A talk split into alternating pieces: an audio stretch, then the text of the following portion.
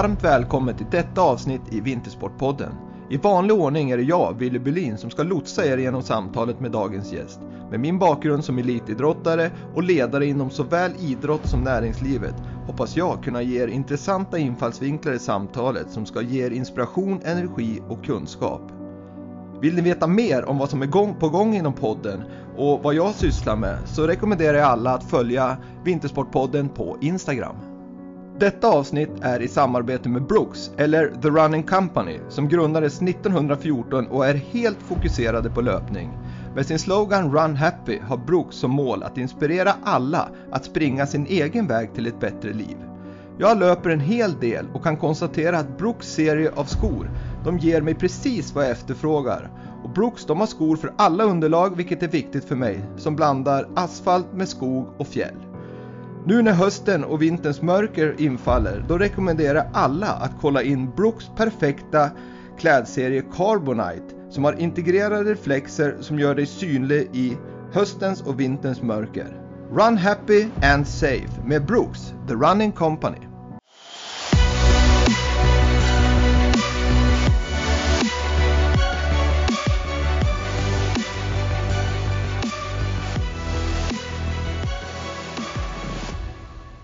Dagens gäst i Vintersportpodden, svenska landslagets längdchef tänkte jag säga, men svenska längdlandslagets landslagschef Anders Byström. Varmt välkommen till Vintersportpodden Anders. Tack Ville, tack. Där var jag nära att säga bort mig för ni har ju fått en ny längdchef. Det är ju, vi, ska, vi ska gå in på vad landslagschef kontra längdchef, skillnaden däremellan. Men, men eh, jag rättar till det i alla fall så att du är landslagschef. Det stämmer.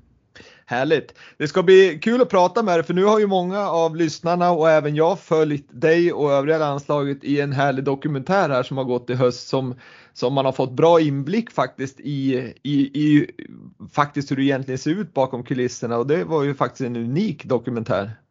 Ja, det är jättekul att eh, vi har fått väldigt bra positiva omdömen om den, att vi bjuder på oss själva och det känns jättekul för vi, vi är verkligen, det är verkligen en ärlig bild som visas där och vi, vi är de vi är och det tror jag framgår. Ja men verkligen och, och sen lite sådär um, förvånande var jag i alla fall när, när det blev så väldigt nära att, att åkarna ändå ställt upp på det på, på tävlingsdagar också. Liksom. Det var väldigt eh, förvånad så. Ja, det var en diskussion i början såklart om, om vi faktiskt kunde släppa dem så nära inpå. Men vi har haft väldigt bra dialog. Det här var inte sportgäng som gjorde det utan det var en kulturredaktion. Så det var lite andra, annan approach liksom. Så det mm. kändes som tryggt att ha dem med. De var inte i vägen. De ja, var väldigt smidiga att ha att göra med och då blir det enkelt att, att släppa in dem. Ja. det kändes ja, naturligt och bra så det var, det var en härlig dokumentär. Det, det ska alla ha cred för som har varit inblandade. Mm.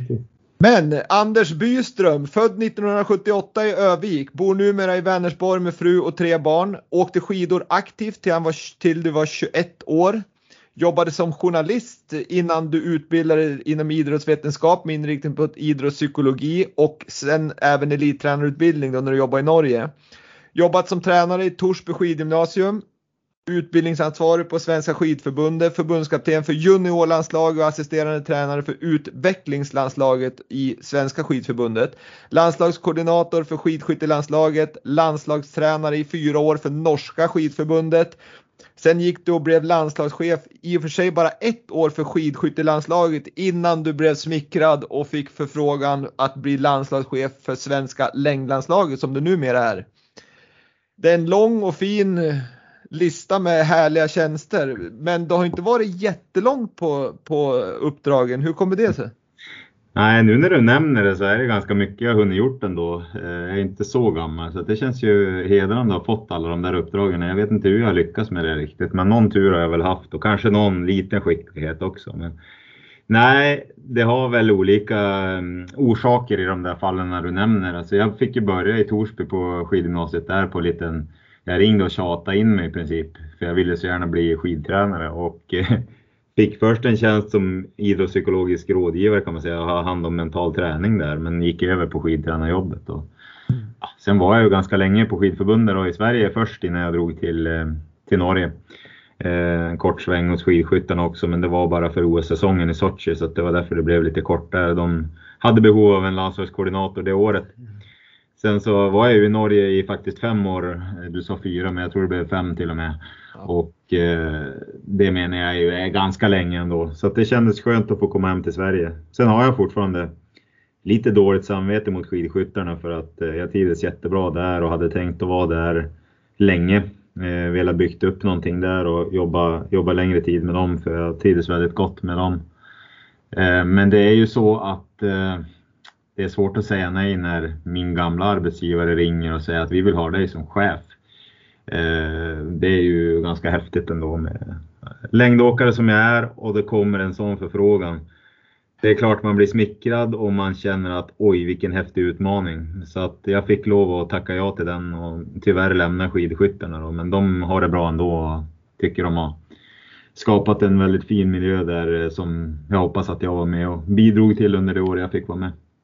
Ja men absolut. Eh, jag, jag, jag, förstår det till, till fullo att du liksom man, det är lätt när man får de här frågorna inom den sport eller inom den bransch man, man verkligen kanske liksom man känner sig som mest hemma.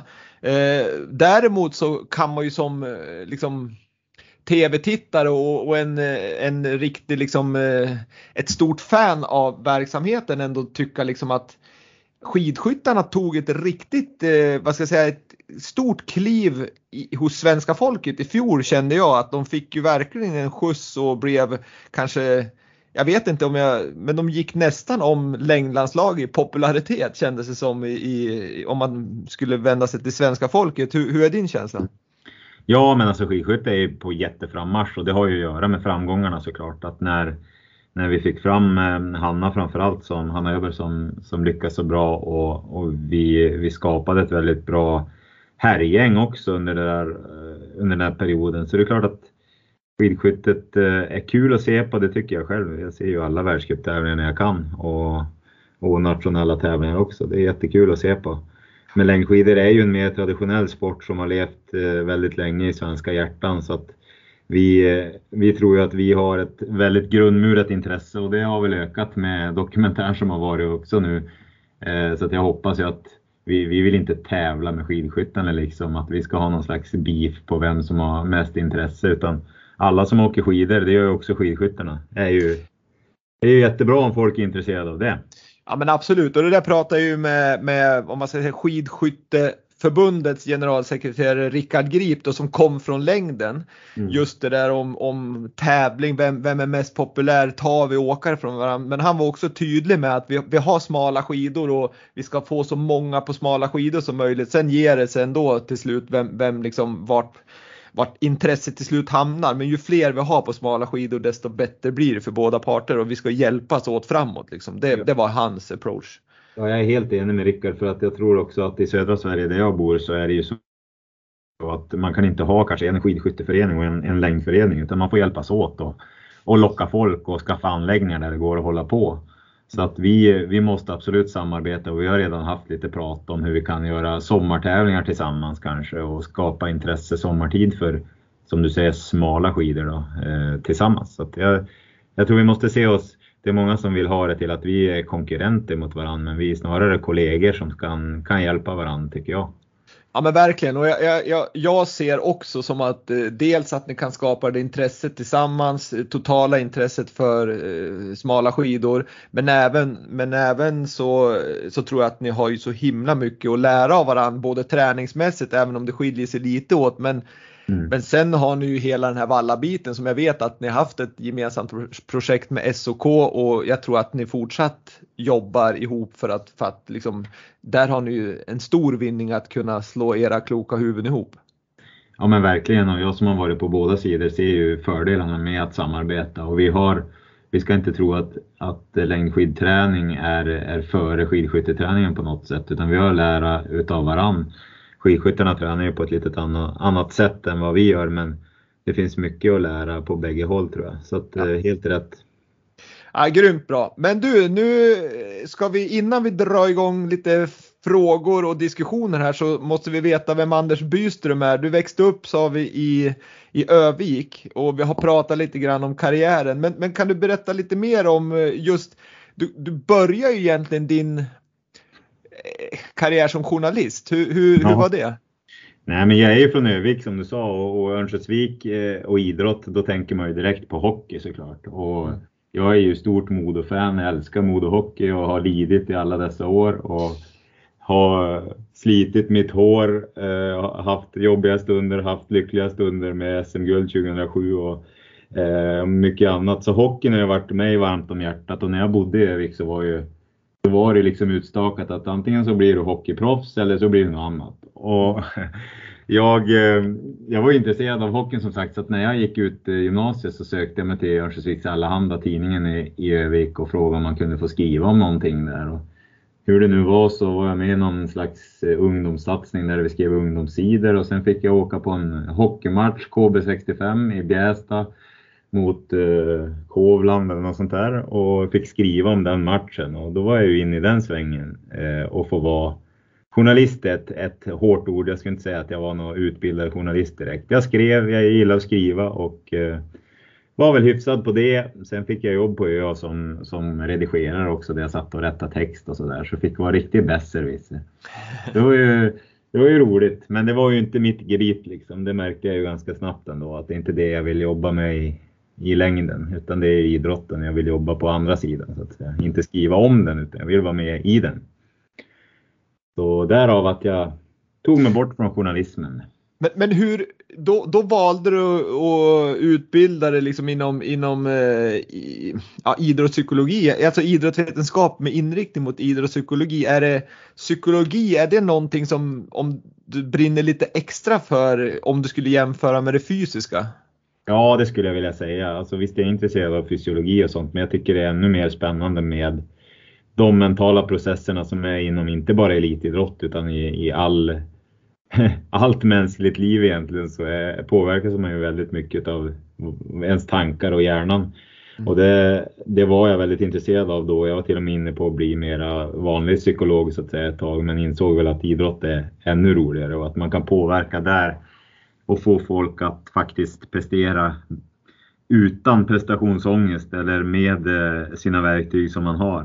Så jag tycker det där är ett, fortfarande ett outvecklat område. Det finns så mycket eh, man kan göra på, på idrottspsykologiska sidan och det är nästan lite fult att tänka att man ska ha en idrottspsykologisk rådgivare, vilket jag tycker är jättesynd. För det är samma sak som att ha en fysio, som att ha en tränare, som att ha en idrottspsykologisk rådgivare.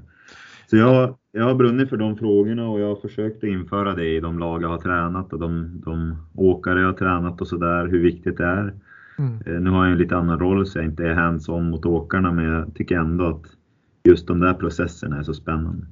Nej, för det är ju, jag håller med dig för att nu har det ändå blivit stor skillnad om du jämför med 15-20 år tillbaks. Då, då var det ju liksom psyket om man, om man nämnde ordet mental rådgivare. Men nu är det ju ändå okej okay att prata om det men är ändå förvånad att det inte ligger mer som liksom kontinuerligt i som ett träningsschema. Jag menar, de vet ju exakt när de ska köra två timmar eh, skate, tre timmar skate, springa si och så långt. Men, men det man gör det här mentala lite ibland bara och det kan jag känna att det borde man jobba mer proaktivt med kontinuerligt. Ja, jag är helt enig. Och sen inte, ska man inte sätta likhetstecken mellan eh, idrottspsykologisk eh, träning och att det bara är några avslappningsband eller visualisering, utan det handlar ju om hela träningsprocessen, hela livet egentligen. Att man kan eh, ja, låta bli att vara så självkritisk till exempel, eller att mm. man jobbar på sin självinsikt, sin, sin, sitt självförtroende och att man, man känner sig trygg i sig själv. Jag tror de allra största prestationerna som görs, görs av folk som är trygga i sig själv och som eh, har en utstakad plan som man tror på. Mm. Och osäkerhet är en faktor som vi måste försöka eliminera och det skulle jag säga är lika mycket mental träning eller idrottspsykologi som, som det där mer handfasta. Men verkligen och, och hitta verktyg just att hantera tankar och, och jag menar det uppstår ju hundra situationer en tävlingsdag som, som man måste kunna hantera med, med rätt verktyg och det måste man ju som träna på innan, inte uh, gå till någon psykolog på läktaren när, när det väl uppstår. Liksom. Nej, det är många som kör den quick fix-tron, men, men det funkar oftast inte. Så att, eh, vi har ju, eh, jag tror du kommer komma in på de frågorna också, men i vårt landslag så har vi ju väldigt många vinnarskallar som eh, verkligen är konkurrenter men som också måste klara av att vara kompisar och, och hjälpa varann. Och det är klart att det, där snackar vi idrottspsykologi. Det handlar ju om att någon kanske inte vill vara inom citationstecken sämst på det passet och om man då är det, hur hanterar man det? Mm. Eh, och, och vice versa, jag är bäst på det här passet eller jag är först upp för den där backen. Innebär det att jag då är, är bäst i världen? Alltså det är mycket sådana där tankar som hela tiden kommer i träningsprocessen som man måste hantera som aktiv och som tränare också. Ja, verkligen. Och det här har vi ju fått se och vi kommer in på det precis som du säger, men vi har ju sett det här i, i dokumentären att det finns ju mm.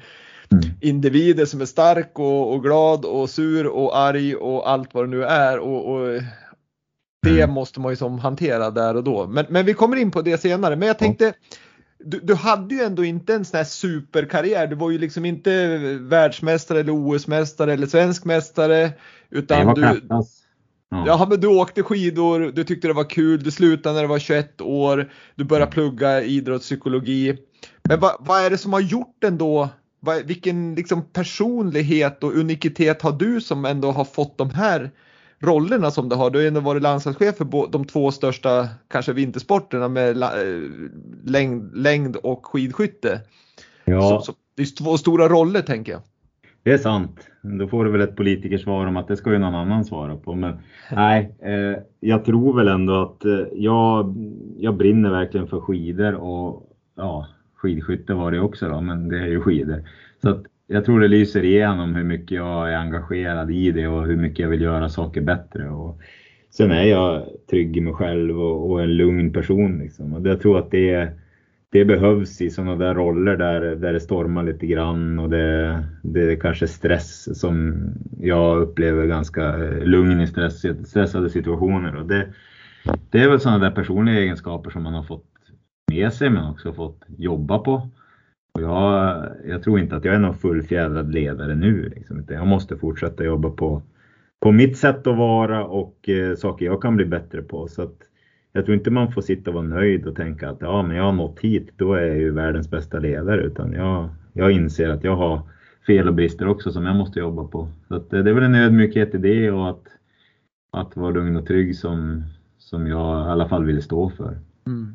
Och det är ju mig glad att höra att, att eh, hade du sagt att det var fullfjädrad då hade jag blivit orolig för det tror jag ingen är. Det finns stora ledare som har saker att, att, att utveckla så det, det, var kul att höra. Men om vi går in på just det här så att lyssnarna här får reda på vad, vad skillnaden är mellan, man hör ju så mycket, det är förbundskapten, det är landslagschef och det är längdchef och, och sådär. Så att Ja. Det, finns ju, det finns ju tränare som vi har sett här som, som sköter om man säger det operativa träningen med åkarna och lägger upp eh, läger och så vidare. Sen är ju du landslagschef mm. och, och, och, vad innebär det att vara landslagschef?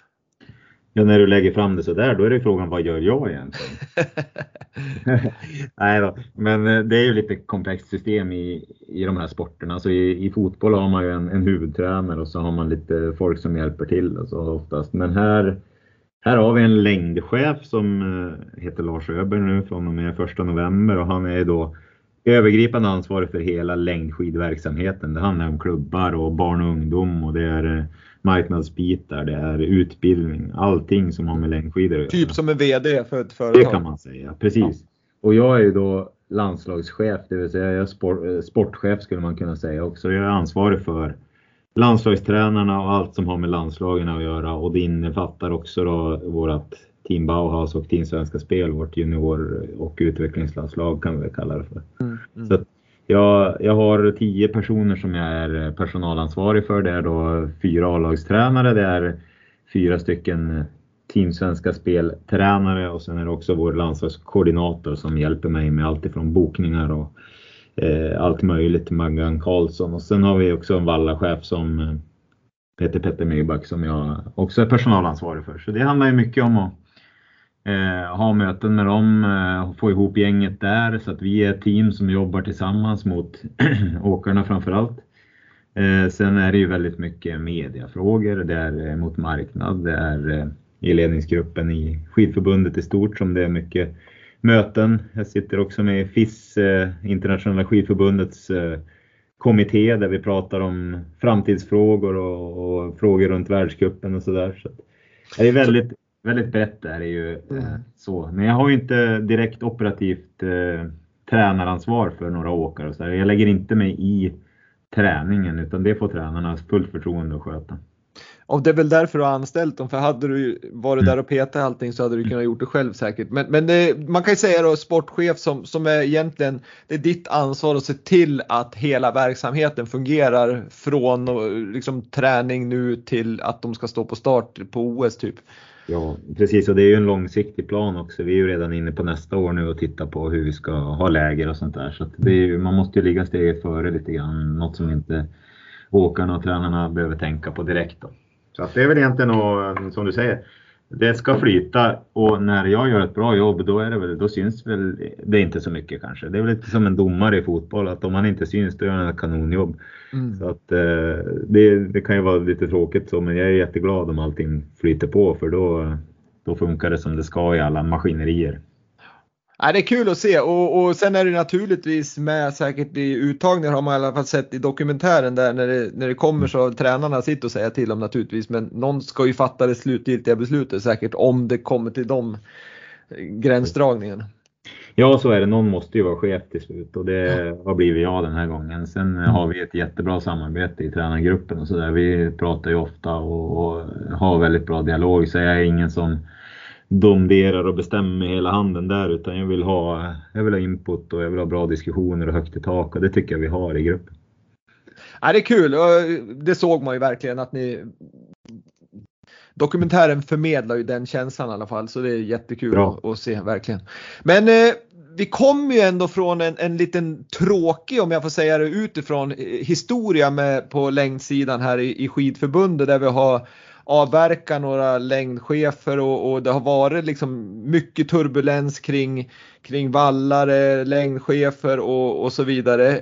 Um, och det har ju liksom, åkare har ju uttalat om det ena och det tredje. Hur, hur liksom, nummer ett, du mm. har ju varit med i någon sväng här, bland annat när Fårhaus slutade här då och, och sen kommer ju Öberg in nu. Men hur, hur har hur har du upplevt liksom och hanterat den här situationen gentemot din organisation? Eh, ja, det var ju när jag började förra våren så var det ganska mycket turbulens i att det inte hade varit någon stabilitet och, och trygghet med folk som satt kvar ett tag. Så jag gick väl in i en tacksam roll på det sättet att det bara kunde bli bli tryggare och bättre egentligen. Och det var ju mitt fokus att skapa, skapa lugn och ro och att åkarna skulle kunna fokusera på sitt, tränarna på sitt och inte en massa runt om. Liksom de smällarna kunde jag ta. Och eh, sen var det inte så mycket smällar utan det var historik som låg kvar som inte, som inte jag ska röra i överhuvudtaget utan det var, det var historien när jag kom in. Sen har vi jobbat väldigt hårt, jag och Daniel Foreus, med att skapa en, en värdegrund som vi tror på i hela organisationen och, och, och verkligen, alltså värdegrund är ju ett uttjatat ord, men det handlar mer om det här med sätta klart och tydligt hur ska vi vara mot varandra? Hur ska vi vara i gruppen? Hur ska vi prata med varandra? Kommunicera med varandra? Mycket ligger ju i det. Allt har med relationer att göra med jag. Eh, hur man pratar med varandra när man pratar med varandra. Är det inom ledarstaben det här eller är det åkare och ledare? Nej, hela, hela. hela perspektivet. Åkarna också har varit, varit med på det här. Ja, jättebra och det är förankrat liksom hela vägen så att det liksom är inte ett papper som ni har lagt fram bara utan de har varit med i processen.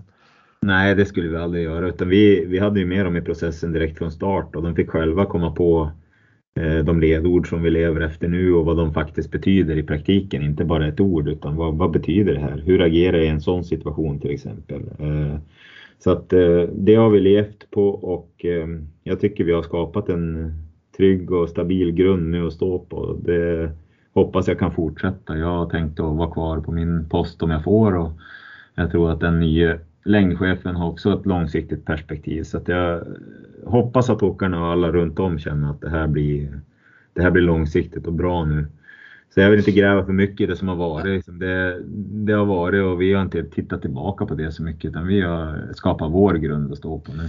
Nej, men jag tänkte säga det, vi ska ju absolut inte på något vis hänga ut någon och vi ska inte liksom prata om det som har varit för mycket utan det, det, vi kan konstatera att det har varit rörigt. Men är det någonting ni har gjort nu, du och Öberg här och övriga organisationen för att liksom på något vis undvika liksom, för det har ju skett någonting och ha, har även ledningen ovanför dig och, och Öberg, det vill säga Ola och, och övriga liksom, styrelsen fått vara med också för att undvika att det ska hända igen?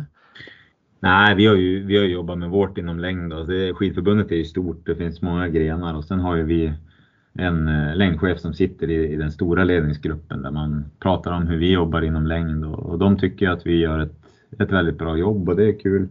Eh, så att eh, det, det, känns som att hela skidförbundet är med på att vi ska gå den här vägen och, och att det inte ska hända igen, ja, det handlar ju om att vi har vi har skapat någonting tillsammans nu som vi vill leva efter och om någon skulle bryta mot det, då, då bryter man ju det mot det man själv har, har kommit överens om att man ska göra. Så att mm. då, då är det mycket lättare att som grupp stå emot om något sånt skulle kunna hända. Och, och, även lättare liksom att coacha in någon och knuffa in någon i rätt spår igen. Så att, ja, det, det, kommer ju, det kommer ju nya personer också och då mm. behöver man ju, som du säger, Eh, styras in eller knuffas in i, i det sätt som vi har valt att, att jobba på. Och det är ju inga hokus pokus grejer, det är ju sunt förnuft, men det handlar ju om att, att det är tydligt att veta hur man ska bete sig i vår grupp. Och förankrat framför allt. Mm. Ja, men kul att höra och då kan man ju som ta för givet att läget i truppen just nu är rätt så tryggt och stabilt. Ja, om inte någon annan säger något annat så det är min känsla i alla fall. Så att, eh, det känns bra inför säsongen. Ja, det är bra. Det är bra. Härligt att, att höra eh, Anders, verkligen. Eh, om vi, om vi går in lite grann då på, på det större, vi ska inte prata träning med dig eftersom du inte är en, en sån mm. tränare utan du är landslagschef och då passar det ju bra att liksom prata lite grann om herrar och damer och, och se vad, vad har vi, vad har vi inte och vad vill vi ha framåt. Tittar vi på damsidan så har vi ett starkt lag. Det är hård konkurrens. Det är ganska knivskarpa uttagningar som, som vi har sett här och liksom det är någon som är superduktig som säkert skulle kunna ta medalj på ett VM eller en världscup som inte får åka på grund av att det är så hård konkurrens. Och det är ju kanske en tränares dröm men samtidigt är det en mardröm att, att kunna måste ställa över någon som är så duktig. Så damsidan har vi ju där, men herrsidan där har vi ju en liten annan situation med en, kanske en, om man får säga det, lite svagare trupp. Vi har ju haft eh, William Poromaa som slog igenom ordentligt föregående säsong måste man ju ändå säga. Eh, men, men hur ser du på, om vi tar herrsidan, hur ser du mm. på, på situationen just nu och, och framåt? Ja, jag är inte helt enig med dig om att vi har dålig konkurrens där. Eller det sa du inte, men du, du antydde det. Utan jag tycker att vi, vi har fått ett fantastiskt go i här laget nu med det som skedde i fjol med, med William Poromaa som du säger, en ung kille som kommer in och verkligen tar för sig och inte är rädd för att, att gå in och köra i loppen heller. Sen har vi Jens Burman som fick sin första pallplats på distans eh, och det betyder mycket mer än man kanske kan tro för, för just att se att det är möjligt mot de allra bästa också, för där var alla med. Mm. Eh, och sen Oskar Svenssons världscupsegrar i fjol och då kan någon cyniker säga att ja men vadå, det var ju inte någon norrmän med där. Men eh, det spelar ingen roll. Det som skedde med Oskar i fjol var en slags eh, barriär som bröts ändå när han vann världscupen flera gånger och verkligen visade en slags offensivitet och, och någon slags jag tyckte att det lyste i ögonen på honom att jag är inte här bara för att delta utan jag ska vinna det här. Och den där attityden jag kan inte säga hur det har varit förut på här sidan, men det känns som att den är tillbaka igen, den här som Helner Olsson hade och, och ännu tidigare såklart med våra gamla hjältar med Svan och kompani. Så det känns som att man har ingjutit en tro i herrgruppen som är eh, väldigt stark. Sen har man en stark tro på att de, att de faktiskt kan och det betyder väldigt mycket det här att, eh, att man faktiskt ser att, att det går att nå framgångar och vi har nu Jens Burman, William Poromaa och, och,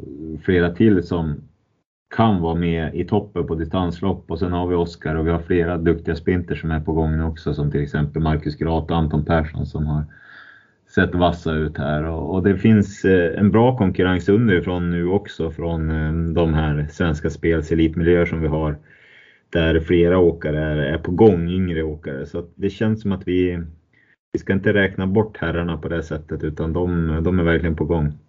Nej, men det håller jag ju fullständigt med om att det var ju fantastiskt roligt att se, om jag får säga speciellt då William Poromaa som kanske man mm. inte trodde någon eller det är klart man trodde på honom, men, men man trodde ju inte att han skulle slå kanske igenom sådär som han gjorde och det var ju jättekul att se och jag tror att han är en bra kille också för, för sporten och sådär för han är ju, han gör sig ju bra om man säger utåt också vilket är jättekul för oss som tittar.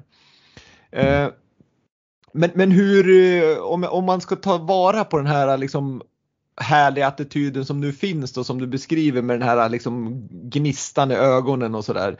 Är det, hur får ni, tar ni tillvara på den ner i, ja, men i svenska spelgrupperna och även då ner mot eh, skidgymnasium och så vidare? Ja, men jag tror att det, det ger sig självt att eh, de här tränar ju med varann en hel del också. Mm. Och då, då sprids ju den känslan och, och jag hoppas också att det som skedde i vintras gör att de som går på skidgymnasier idag och även de som är lite utmanare på seniornivå utanför känner att det är möjligt och att vi, vi är på gång nu i Sverige igen på här sidan. Det tror jag, bara den, vi pratade om mental träning innan, bara den vetskapen att gör jag något bra här, då kan jag precis som William Poromaa komma upp där på en nionde plats i VM. Och nästa steg är såklart pallen och, och ännu bättre. Så jag tror det handlar mer om en, en eh, ja, barriärbrytande där, där vi tror på det och Sen görs det väldigt mycket bra jobb på skidgymnasierna också så att vi, det där går i vågor, så är det. Vi, jag såg det i Norge också när jag var där att det, plötsligt så var man orolig för damsidan där bakom Therese Johaug och det, det går i vågor beroende på hur framgångarna ser ut längre upp. Det brukar vara så. Ja men precis och då tänker jag ju om man vänder på, på det här resonemanget att, att på damsidan så är vi ju väldigt stark nu med, med väldigt många duktiga åkare. Hur, hur, gör ni för att undvika att man kanske liksom slår sig för bröst och tänker här har vi det jättebra och så, och så sen liksom blir det anorektiskt under istället att man, man tappar massa för att man jobbar med de här som vi har nu liksom. Ja men precis och det är det vi måste undvika för det var det som skedde i Norge också att man, man var ganska nöjda med det. Jag tror vi kanske gjorde det felet i Sverige också med den förra här generationen att man, man var ganska nöjda med hur det såg ut där och inte Eh, satsade ordentligt under dem. Men nu har ju vi, vi har ju satsat mycket på, på herrarna här på Svenska Spelmiljöerna. Vi har inte lika många damer som håller på, eller tjejer som håller på tyvärr. Så där behöver vi eh, hoppas på att det lockas fler till vår sport, för det finns inte jättemånga eh, att ta av helt enkelt på damsidan bakom de allra bästa. Och det kan ju vara så att man, man känner en liten hopplöshet att hur ska jag kunna ta mig in bland det där gänget? Eh, så den, den måste vi vara obs på och verkligen se hur vi kan hjälpa de här som är, är under också och utanför landslagen. För damerna är det är jätteviktigt där att vi nu tar hand om dem vi har och att vi får fler som börjar eh, i yngre åldrar. Men där är det många som håller på. Det ser vi i alla idrotter idag i Sverige att eh, tjejerna är fler nästan i de flesta sporter. Mm.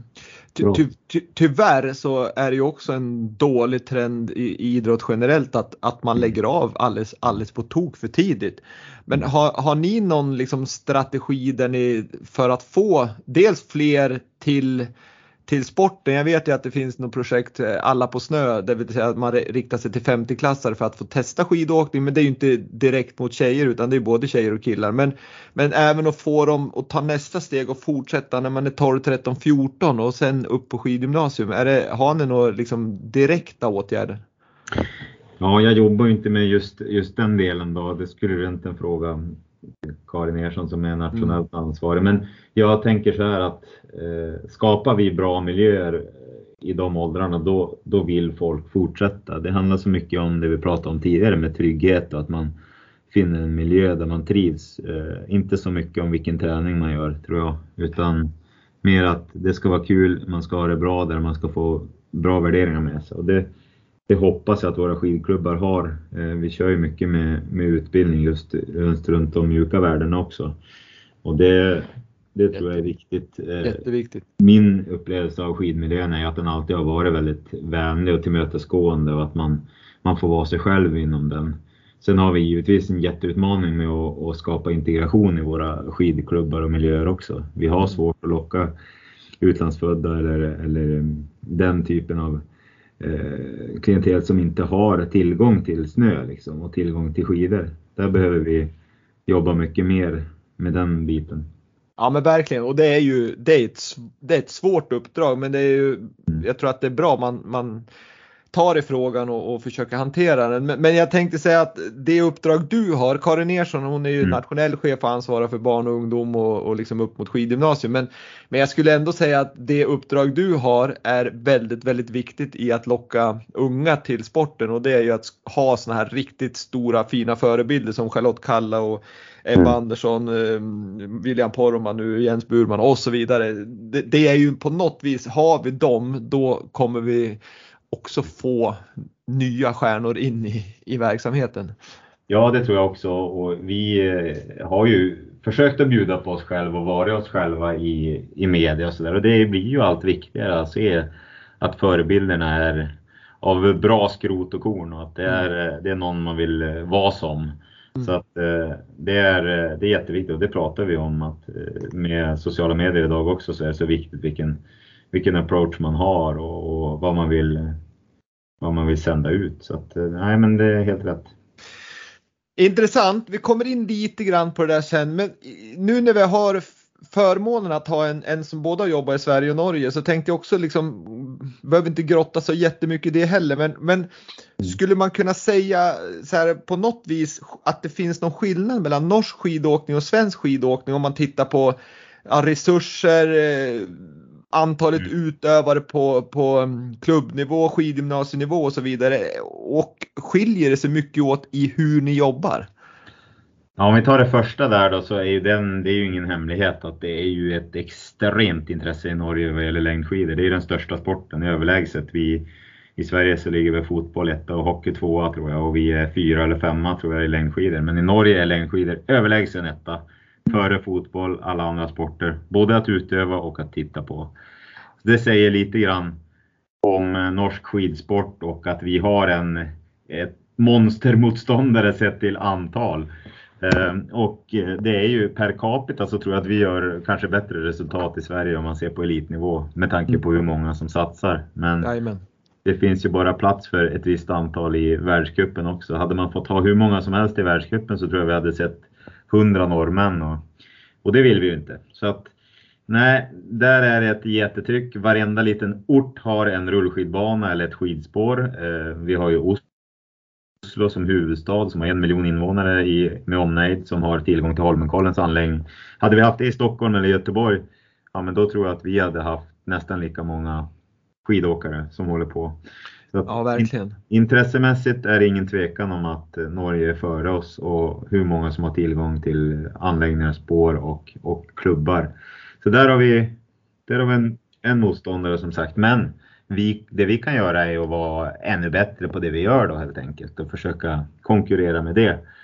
Träningsmässigt är det ju väldigt likt på hur man tränar. Ehm, däremot så är det, skulle jag säga i Norge, när jag var där fem år, så det handlar mycket om att eh, vad ska man säga, försvara sin eh, träningsfilosofi där. Det är väldigt många tyckare eftersom intresset är så stort. Så finns det många som kan skidor eh, längdskidor och träning och eh, många som vill ha sitt finger med i spelet hos, hos aktiva. Vare sig det är morfar eller eh, någon eh, brorson eller någon eh, långt bort i stan släkting som har saker att tycka till om. Så är det det. Och det får man försvara som, som tränare där och jag tror det är ju givande givetvis. Jag lärde mig jättemycket i Norge. Eh, samtidigt så har vi lättare kanske att hålla en, eh, en filosofi här i Sverige som vi tror på och som vi kan jobba med. Mm. Eh, och, och, på skidgymnasienivå då, har de samma upplägg där med, med att man liksom när man är 16 år så går man skidgymnasium i tre eller fyra år och, och liksom på något vis skolas in mot ett landslag eller någon, någon annan form av aktivitet? Ja, systemet är, är detsamma där man har ett antal riksidrottsgymnasier som, som är de som drivs hårdast mot, eh, mot landslagsnivå men de har också en massa, massa egna gymnasier som har skidor på schemat. Så mm. det, det, är helt klart så. Man jobbar också med juniorlandslag där och samma typ av system som vi har med, med elitmiljöer kan man säga och, och utvecklingslandslag och så vidare. Så det är, det är väldigt likt landslagssystemen som eh, i Norge och Sverige. Där. Men, men, men, sen är det som du säger, där, du, sitter ju, du sitter ju i FIS också, alltså internationella skidförbundets kommittéer. Det finns ju massa olika kommittéer. Men, men pratar ni mycket där om, om just problematiken att det blir norska mästerskapen och svenska mästerskapen på, på världscuptävlingarna. Att, att för att ni ska bli en kanske mer en global sport som, som kanske skidskyttet är lite mer, att de har fler länder som är dukt, eller duktiga men som är med och fightar om segern. Ja, det pratar vi verkligen om och det är en jätteviktig fråga för FIS nu därför att intresset har ju, har ju sjunkit i större länder som Tyskland till exempel och, och mellaneuropeiska länder som inte får framgångar längre och då blir man inte intresserad om det är en massa norrmän och svenskar i TVn bara. Mm. Och om det ens är i TV ska vi säga. Så att här har vi en utmaning och det diskuteras mycket om hur man kan göra tävlingarna mera, vad ska man säga, för fler ska få möjlighet att kunna vinna en tävling eller få framgångsrika placeringar. Där kommer ju till exempel mixstafetten in nu i vår, eller i vinter och det är en del i det och sen handlar det mycket om att man vill ju inte krympa resurserna för de bästa utan man vill snarare öka dem för de mindre så att de kan jämna ut avståndet. Eh, mm. Och det, det tycker jag är en jätteviktig fråga för där är ju IBU, alltså Eh, skidskytteorganisationen internationellt eh, lite bättre på att fördela resurserna över länderna. Till och med Brasilien till exempel får en peng för att kunna utveckla sina skidskyttar. Och vi, vi behöver bli bättre på att vi är ju väldigt öppna med att kunna hjälpa med kunskap och träning till mindre nationer. Vi jobbar till exempel med Irland som har en skidåkare som vi hjälper lite grann och vi, vi pratar med Danmark nu om att hjälpa dem med att få, få igång deras skidverksamhet där med hjälp av, av Svenska skidförbundet. Så vi, vi försöker på alla sätt men det, det är en stor fråga och behöver verkligen utvärderas hur vi ska få fler nationer att vara med i toppen.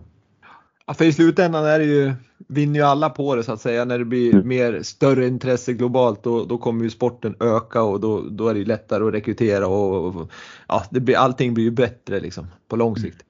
Mm. Men, men, eh, äh, men intressant att, att höra här Anders om, om, om norskarna och det är väl ingen, ingen supernyhet att, att de har enorma resurser och en stor bas eftersom de, det är ju nationalsporten så att säga. Men jag tänker en annan sak som, som, är, som jag måste ta upp som, som är också Ja, den är ju alltid aktuell, men den har varit aktuell några gånger här sista tiden. Jag ska inte nämna några namn här, men, men det, det har ju utfärdats träningsförbud några gånger på grund av att man, ja men kanske, man ser att hälsan inte är riktigt där den ska, man, man kanske är övertränad och Eh, apropå det här kroppsidealet som vi pratade om att man har ett visst ansvar som idrottare kanske hur, hur man förmedlar sig på, på sociala medier och så vidare. Mm. Men hur, hur resonerar du och skidförbundet här just med vad det gäller träningsförbuden som, som ni har lagt ut? Ja, vi har inte haft något förbud i år så vi har ju haft en, en eh, dialog helt enkelt med åkarna på när det är dags att stoppa. Men vi, vi resonerar som så att vi, vi i gruppen har en väldigt öppen, ett öppet klimat med att diskutera näringsbalans till exempel och eh, hur, hur är vikt eh, i förhållande till prestation och så vidare. Så att vi, vi jobbar ju mycket med de frågorna på elitnivå men, men för vår del kan inte vi gå ner i, i lägre åldrar och jobba med, med expertis som vi gör på elitnivå tyvärr. Då. Det skulle ju behövas ännu mer där kanske. Och vi, eh, det här med att man är på gränsen, så är det ju i våran idrott att det är hela tiden en balans på en knivsägg där man tränar väldigt mycket och man riskerar att gå över gränsen. Så vi behöver ju vara stoppklossar ibland hur tufft det än kan låta för en, en som vill så otroligt mycket och bara vill, vill, vill träna. Men du får inte, säger då tränarna på grund av att då kommer du att knäcka dig själv. Den är svår att nå, nå fram till för en som vill så otroligt mycket. Men att få dem att förstå då att vi investerar i, i vila här istället för att investera i träning. För investeringen i träningen blir snarare en utgift som man kommer att få sota för sen, inte en investering. Så den där är en svår ekvation, men det gäller att verkligen ha den dialogen med de aktiva hela tiden. För jag tänker på det vi sa inledningsvis om, om idrottspsykologi och att det nästan har varit fult att prata om det, eller fult, men det har varit svårt att prata om det, kanske är svårt i vissa sammanhang nu också. Mm. Men, men du nämner att ni pratar öppet om det, är det, är det liksom har man tendenser till eh, ätstörning till exempel, då är det ju inte direkt så att man sitter och säger det utan då hittar man väl på och ljuger om någonting. Men har ni, känner du att det har bra fångstnät för att få, få upp de här ändå som ligger på gränsen, att ni har liksom kontinuerliga mm. tester och så vidare? Ja, vi har ju det. Vi har ju lyxen att ha det i landslagen som sagt. Men mm. det har man ju inte längre ner i, i klubbar eller i, i föreningar och sådär. Men vi har ju möjligheten och vi gör ju en så kallad DEXA-kroppsskanning på, på alla åkare där vi ser kroppsfettprocent eh, och muskelmassa och sådär. Där vi kan se om det har utvecklat sig åt positivt eller negativt håll.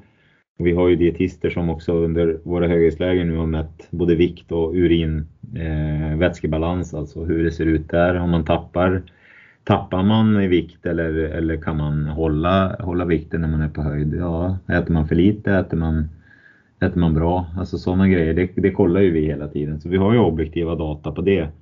Sen är det ju som du säger, har man en ätstörning så har man ju en jättemöjlighet att dölja det. Man kan ju ljuga, man kan ju försöka dölja det på alla sätt. Det har jag varit med om fall som, som har gjort. Så det är svårt att komma åt, men jag tror det handlar återigen om, om en trygghet i sig själv och att veta att man, om man börjar må dåligt eller känner att man är på väg åt fel håll, men då kan man säga det till lagkamrater eller till, till tränare eller folk runt och, och få hjälp. Eh, det, det, det, klimatet vill vi ha i alla fall eh, i vår grupp. Och det är ett sunt klimat, men, men någonstans tror jag att i och med att ni har så pass mycket tester så någonstans fångar man ju upp om det börjar spåra ur med näringen för att då visar det sig ändå på, på om man är kompetenta människor som ni har runt om er så då, då kommer det ju fångas upp om det är någon som strular där. Ja, men, sen ska man inte bortse från att kroppsidealet i sociala medier finns ju där alltid och mm. som en, en slags motståndare som man måste möta som, som ung, vare sig det är kille eller tjej. Det finns ju alltid där. Hur ska jag se ut? Hur ska jag vara? Och, och återigen så är vi på idrottspsykologiska frågor här. Men du Anders, om, du, vi pratade tidigare om FIS och, och eh, de grupperna som är där med eh, pratar liksom om framtid, hur ska vi utveckla oss som sport globalt, hur ska vi utveckla banorna för att köra. Och när vi är inne på det här eh, liksom, att ni ligger på gränsen så är det ju som så att banorna blir ju tuffare och tuffare och det är ju, det ska vara tufft liksom för det är kul att se på att det är mycket backar och så vidare. Men det driver ju också att, att man kanske ska vara lite lättare för att ta sig upp för den här backen på ett enklare sätt. Men hur kan man resonera där för att komma ifrån den problematiken? Ja, det är ingen hemlighet att ska du åka upp för en slalombacke så är det ingen fördel att vara tung upp för den backen. Det är ju, ja, det är ju givet. Så att där måste ju FIS eh, fundera på vilka typer av banor ska vi ha? Sen är det ju så att eh, vi har ju varierade typer av banor. Vi har stadssprint i Dresden till exempel där, där det är väldigt bra med mycket power och kraft. Och de flesta banor är varierade så tillvida att det vi har sett i många kapacitetsanalyser är att det inte är i backarna det avgörs utan det är på platta partier där man kan hålla farten och då behöver man ha både kraft och eh, lite tyngd över sig för att kunna skapa fart. Så jag tycker inte att de är så endimensionella. Det är klart att backen i Alpes Hermis på Tour de Ski är, extrem, men om vi ser på banorna i stort i världscupen så är de ganska varierade på terrängavsnitt. Men, men det, är, det är ändå en fråga som, är, som diskuteras eller? Ja absolut, det är en viktig fråga och det är också hur, hur ska juniorer och yngre tävla? Vad ska de tävla på för typer av banor? För där blir det ju också det, det kravet att möta om de banorna blir för tuffa. Mm. Samtidigt vill vi skapa åkare som, som är förberedda på det som kommer. Så att då behöver man ha lite tuffa banor också även på, på yngre nivå. Det är en svår, svår balansgång där men återigen, viktigt att prata om det så att vi, vi är öppen med att det har betydelse. Ja, det, det låter bra. Men du, det har ju uppkommit här också en, en lite skriverier om man får säga så då, efter att eh, Svan eh, fick lämna in tänkte jag säga, men den här säsongen i alla fall. Hon, hon hennes axel var dålig, hon opererade och, och, och beslutade att inte köra någonting under det här året. Och då är det en artikel i Dagens Nyheter faktiskt som Johan Esk har skrivit där man, där man liksom, ja, man skriver ju om, om skadebekymren som, som har funnits de senaste vintrarna med, med Viktor Thorn och Hanna Falk bland annat. Eh, man nämner Frida Karlsson, eh, Jens Burman har haft lite problem med, med ryggen och så vidare. Eh, mm. hur, hur där, där har man ju liksom att, att landslagsläkaren i det här fallet då, de kan ju inte heller vara experter på allting och, och fatta liksom det är hjärta och lungor och det är axlar och det är knän och så vidare. Men, men, men tittar man på längdlandslaget så är ni utspridd och han här då Johan Esk i Dagens Nyheter han skriver ju liksom om om skidskytteförbundets eh, sätt att hantera kanske en del av det här att man har sagt att alla A-lagsåkare och junioråkare ska bo i Östersund för att kunna liksom ha resurser samlade och, och ta vara på duktiga läkare och duktiga nutritionsmänniskor och så vidare. Mm. Hur, hur ser ni på det? Ja, eh, nu, nu, vet inte jag exakt vad Esk eh, vill, vill, komma med det, men vi eh, har ju inte samma situation som skidskyttet. De har ju alla i Östersund som sagt och det är ju en jättefördel när det gäller just de sakerna, att man kan samordna resurser. Men vi har ju påbörjat det här nu att vi har också en elitmiljö i, i Falun och Östersund och Umeå där vi, där vi kan samla resurser på tränarbiten och på, på medicinska frågor också i framtiden, är ju målet. Så vi är ju vi är på väg åt det hållet, men vi kan inte riktigt eh, jämföra oss med skidskyttarna som har också ett, ett tränings, eh, en träningsplan för egentligen eh, hela A-laget där man justerar lite grann. Då, men man kör nästan allting tillsammans. Och vi har ju både privata tränare, vi har eh, olika typer av åkare, där det är sprinters, där det är långdistansare, vi har massa Eh, folk utspridda som du säger, några bor i Åsarna, några i Sollefteå och någon i Sundsvall. Och mm. att, att tvinga dem att flytta till eh, Östersund, det, det, kan man säkert göra, men då kanske man inte kan ha så många skidåkare heller. Eh, skidskyttarna är ju väldigt få jämfört med längdåkare och det, det är väl jättebra att de kan samla de man har där det var ju toppen när jag var under det året att vi hade alla där. Man kunde också nå dem snabbt och prata med dem. Men vi har inte den möjligheten i, inom längd, även om man hade önskat det ibland. Ja, för det, det, är lite det han skriver i, i den här mm. artikeln också, att, att, att det är utspritt och man har olika tränare, man har personliga tränare och naturligtvis har man ju kontakten med, med landslagstränarna. Men, men eh, han, till syvende och sist så hamnar det ju att ska man komma hit så måste ju ledningen på skidförbundet egentligen peka med hela handen och säga att vi ska bo i Sundsvall eller Östersund eller vart det nu än är. I, och, och liksom du ser det ändå som en jäkligt svår, eh, svårhanterligt att gå skidskyttevägen där? Ja, nej, nej, det går absolut inte nu. Däremot så har ju vi ett, eh, ett jättebra medicinskt system bakom oss ändå där vi har snabb tillgång till hjälp. Eh, så att det har egentligen ingen betydelse. Och de här skadorna som, som Esk pratar om där, det är ju gamla saker som uppkom förr. Vi kan ju bara se på vad vi, vad vi gör nu och eh, vi har haft det väldigt förskonat från, från skador under det här året frånsett det som hände med Linda. Så att eh, mm. nej men det känns eh, som vi har, vi har vårt system och det går inte att, att jämföra de två tyvärr. Okej. Okay. Great, då har vi fått reda ut det lite grann. Men du, om vi ska gå vidare och titta på ledarskap då. Hur, hur tycker du bra ledarskap är? Bra ledarskap det är eh, att man man har en eh, ledarskapsfilosofi som man tror på, det vill säga man har jobbat fram ett sätt som man vill vara på och man tror på det och sen så visar man det med, med all tydlighet hur man vill att gruppen ska fungera eller de man leder. Eh, sen har man en bra dialog med dem och eh, försöker stämma av hur, hur läget är, hur mår de man jobbar med har de det bra tillsammans? Vilka ramar och regler ska man ha runt sig för att alla ska fungera på ett bra sätt? Vågar man säga vad man tycker? Har man en miljö där, där man inte är rädd för att säga något utan man kan säga något och sen lyfta det och eh, bli bättre tillsammans? Jag tror det är viktigt att eh, en ledare inte bara kör sitt race utan man måste också vara lyhörd för, för hur de man leder mår. Hur, hur har du där då liksom har du ofta snack med Thomson till exempel som, är, som ligger under dig och är damtränare att liksom där du mm. går in och coachar honom i liksom, ja men nu såg jag att du agerar så här i den här situationen, det behöver vi utveckla eller har ni ledarskapsutbildningar också för, för de här ledarna som är på landslagsnivå? Ja men precis så, så jobbar vi. Vi har något som vi kallar för utvecklingsdialog där vi med jämna mellanrum sitter och pratar om, inte hur går det på jobbet nu, utan mer hur, hur känner du att du utvecklas som ledare? Har du jobbat med de här punkterna vi pratade om sist? Det kan ju vara som du säger feedback eh, som man har fått och, och, som man behöver bli bättre på. Vi har också jobbat med eh, ja, kallar det för personlighetstester och där vi ser lite grann att vi är olika och vi måste ha förståelse för varandra också i gruppen. Eh, den reagerar så, den reagerar så. Vet man det, då kan man hantera det mycket bättre. Så vi jobbar tillsammans tycker jag med ledarskapsutveckling hela tiden i, i vår grupp då. Inte att vi går en utbildning, men vi utbildar varandra ska jag säga. Ja men det, det, är ju jättebra att höra. För jag tänker liksom när vi har sett den här dokumentären som vi har varit inne på tidigare så, så kan man ju verkligen se att ni ställs ju för vissa utmaningar när någon kommer i mål och har gått dåligt eller de har krokat i varann och de är förbannade och de hänger ut varann i tv vilket, eller i media vilket inte kanske är så jäkla bra i ett lag.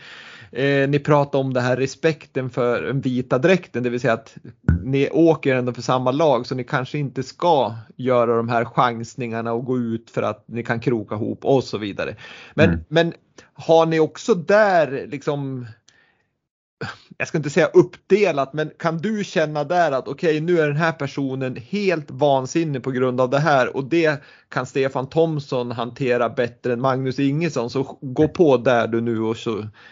Ja, nej men vi, vi har ju en bra koll på vem vi ska prata med och vem som ska prata med vem och så vidare. Så det, det är helt från situation till situation om det är jag som ska prata med någon eller om det är, eh, är den tränare som är närmast eller om det kanske är till och med en fysio som ska prata med Alltså vi, vi diskuterar tillsammans hela tiden och den där situationen som var i Ruka till exempel, där bestämde vi ju att ta ett möte med tjejerna själva direkt efter det där hade hänt och reda ut om det var några surmular eller, eller oklarheter runt det. Och jag tror att mycket är det med tajmingen där att det, det, måste, får inte gå för lång tid efter någon sån händelse utan man måste ta det så fort som möjligt. Även om det kan vara jobbigt att ta så måste man göra det och eh, det vinner man på att bli starkare som lag. Så visst, vi har massa vinnarskallar och vi har ett gäng som, som skulle kunna köra över den vita dräkten för att vinna och det, det måste vi ha för annars tror jag inte vi kommer någon vart. Om alla bara är snälla snälla svenskar som ska låta någon annan åka före, då vinner vi ingenting. Så vi, vi får se det som en positiv grej att vi har den där, eh, det där klimatet ändå, att vi vill, vi vill verkligen.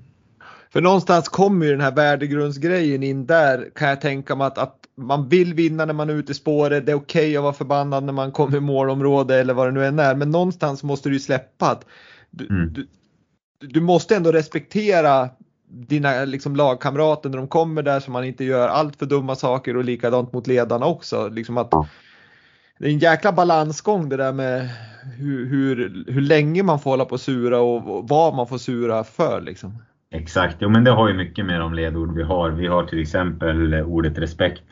Att vi ska respektera varann och, och då handlar det kanske om att någon måste få sura ett litet tag. Men sen så går man in och Eh, vi, vi har att vi ska stötta varandra också och då är det så att när man har visat lite respekt till varandra, men då får man gå in och stötta varandra sen. Så att, mm. det, sånt där pratar vi om hela tiden och inför säsongen också, hur vi ska hantera det. Eh, och, och, då vet alla att ja, men man får bli lite sur om det är så, men sen så är man vänner igen och så är man lagkamrater. Ja, det, det, tror jag är superviktigt. För nu, nu pratar jag kanske inte bara om ert lag utan jag pratar Nej. lite generellt idrott. Så kan jag tycka att ibland så känner jag att ledarna får gå lite som liksom katten runt het gröt ibland när, när liksom de aktiva är så förbannade och de beter sig hur som helst och de slänger grejer och så vidare. Men jag menar, en, en, det är deras jobb på något vis. Jag menar, en, en mm. jag kan inte slänga min dator i golvet på, när jag går hem från jobbet bara för att jag haft en dålig dag på jobbet för då kommer jag ju bli sparkad. Liksom. Nej, eh, precis, och i det här fallet så är ju de också offentliga personer. som Det de gör är ju något som syns i TV och eh, inför folk som de ska vara förebilder för. Mm. Så att eh, just en sån där grej med att slänga skidorna och sådär, det kan möjligtvis vara okej okay om, man, om man är väldigt frustrerad, men då kanske man får visa sen att oj, ja, men det där var inte bra. Jag, eh, jag var i ett, ett eh, upprört tillstånd där och hade du slängt datorn i golvet så hade väl du kanske fått betala den också. Ja, det, det hade jag definitivt fått göra plus att jag hade fått en, ett gult kort förmodligen. Ja. Ja, nej men det är ju ledarskap är ju, jag förstår att det är intressant för dig också för att hela den här eh, liksom psykolog eller idrottspsykologi och psykologi och, och mental träning och så vidare. Det, det, till syvende och sist så kommer vi ner mot, mot mycket ledarskap och, och, hur man hanterar människor och just som du säger att det gäller att ha lite timing. När ska man ta det här och inte ta det? För att ibland kan ju vissa, när man kliver in som ledare och tar det, då kan ju det bli ännu värre om man inte har den här fingertoppskänslan. Absolut. Nej, och, det är väl ledarskap i sig att man, man får inte sky eh, sånt som är jobbigt heller. Det har jag lärt mig genom åren. Liksom, att man måste ta de där tjuren vid hornen ibland. Och, även om det inte är kul så, så är det mycket viktigare att, att prata om om det uppstår någon slags konflikt eller vad vi ska kalla det för. Så, så måste man ta den. Ehm, det är inte kul och många är, är personer som inte vill hamna i konflikter överhuvudtaget. Och, och de vill ju inte gärna ta ett sådant samtal heller. Men det måste man göra.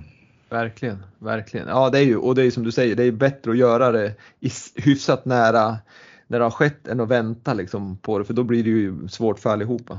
Ja. Men du, vi står här, vi ska snart börja avrunda det här härliga samtalet, men vi, vi står inför ett OS i Kina och um, hur liksom ditt, ditt jobb då som landslagschef består ju till mångt och mycket att förbereda truppen men, men framförallt då ledarstaben att de liksom känner sig trygg och de har resurserna och de, de kan jobba med det de ska. Men hur, hur, hur förbereder du ledarstaben nu inför OS för att de ska känna sig förberedda? Eller ja. kunna förbereda sig. Ja, precis. Nej, det, det, är ju ett jättespeciellt OS som väntar då. Det, det är väl det vi får förbereda oss på också. Det kommer att bli väldigt spartanskt OS, det vill säga ingen publik, eh, väldigt mycket tester och eh, en bubbla där vi får hålla oss. Vi kommer inte att kunna se några andra idrotter till exempel. Eh, så det gäller nog att ha en mental förberedelse på att det blir tre veckor där borta som kanske inte blir himlastormande kul just runt om. Men däremot så ska vi prestera när vi ska prestera, även vi i ledarstaben. Och nu har vi förberett oss så pass länge med just det här jobbet vi startade förra våren, det vill säga att vi är en trygg grupp som kan prata om allting tillsammans. Och det tror jag är, det är den förberedelsen jag vill göra, att vi fortsätter att vara som vanligt bara och att vi, vi ska agera lugnt och tryggt där borta. Allting ska flyta på för åkarna och vi, vi ska genomföra vårt jobb på topp där borta. Vi ska också vara formtoppade. Vi ska vara... Ja, jag menar det. Det, är ju, ja. det gäller ju att ha, ha den eh, mm. synen tycker jag. För jag menar det är tufft att vara där i tre, tre veckor och, och, och det är liksom inga solskensdagar direkt. Nej, det väntas väl en mellan 10 och 20 minusgrader och en stark vind på torrplatån där uppe. Ingen nederbörd som jag fattar det. Så att vi, vi får vara förberedda på att eh, det blir tufft så sett, men vi, har vi det bra tillsammans och vi, vi gör bra insatser i spåret och sådär runt om, då, då kommer vi att ha det bra där ändå tillsammans med åkarna. Och vi ser fram emot det. Det ska bli riktigt, riktigt kul och vallarna är supertaggade och preppade för att, för att åka dit. Så att, eh, nej, OS är det största man kan uppleva, så det blir spännande. Ja men verkligen och, och, jag tror ju att precis som att nu jobbar och fokuserar på rätt saker där med, med, gruppen och att man har jävligt kul ihop. För jag menar man, har man kul ihop då kan man jobba många timmar och slita för, för varann liksom. Ja, verkligen. Så det är härligt att höra. Men, men just det där med vallarna då, och, och Mylback som är inte ny nu då, men han har väl jobbat ett år nu då, som, som vallachef och, och, eh, lyckades ju bra med det i fjol. Men, men det är ju en speciell situation i Kina också med snön och det kan vara sand igen och det är kallt och det kan vara isigt och så vidare. Men har, har, känner du att vi har rätt eh, resurser där och har fått de, liksom, det stöd och hjälp vi behöver för att eh, liksom, researcha Kinas snöförhållanden? Ja men det tycker jag verkligen. Vi har ju ett eh, SOK, ett samarbete med Luleå tekniska universitet där man jobbar med, med just det här med slipar och, och och skidornas struktur och så vidare som gör att vi, vi känner att vi är på tårna vad gäller det. Sen har inget, ingen nation har kunnat vara där borta de senaste två åren förutom Kina själv då. Så det, det känns ju lite osäkert sådär men samtidigt är det lika för alla nästan då. Och eh, jag tycker att det, det känns som vi, vi har koll och att vi med hjälp av den här forskningen också, att skidskyttet och vi tillsammans jobbar fram strukturer som ska funka där borta, slipar som ska funka, som det kallas då på skidorna. Mm. Eh, så, så, kommer det att bli eh, bra hoppas jag. Det blir viktigt med skidparken där borta, så är det. Ja, otroligt roligt att få sitta och snacka med dig Anders och eh, jag är väldigt tacksam att du var gäst här i Vintersportpodden och jag såklart och Vintersportpodden önskar dig all lycka och naturligtvis också längdlandslaget all lycka i kommande säsong och naturligtvis OS. Tack för att jag fick vara med Wille. Det var jättekul att prata med dig och jag hoppas att folket följer med oss till ny kanal nu och kan följa oss i vinter också. Ja, det, och det kan vi lyssna till här också. Både Peter Gide och Johanna Ojala har ju varit och, och förberett lyssnarna på vad som komma skall. Men innan vi avslutar det här Anders så ställer jag en fråga som jag ställer till allihopa som är med här och den, den är enkel att besvara och den är, lyder så här. Kan du säga en framgångsfaktor för att lyckas med idrott? Men, menar du då som idrottare eller som ledare? Nej men säg som, som idrottare. Då tror jag att eh, nyckelordet är trygghet. Tro på det du gör helt enkelt. Det känns som att vi har pratat lite om det i, i podden också. Ja. Att, att det är det vi, du står för. Men mm. du, då säger jag det igen. Stort lycka till Anders och stort tack för att du var med i Vintersportpodden. Tack, tack. Ha det så jättebra.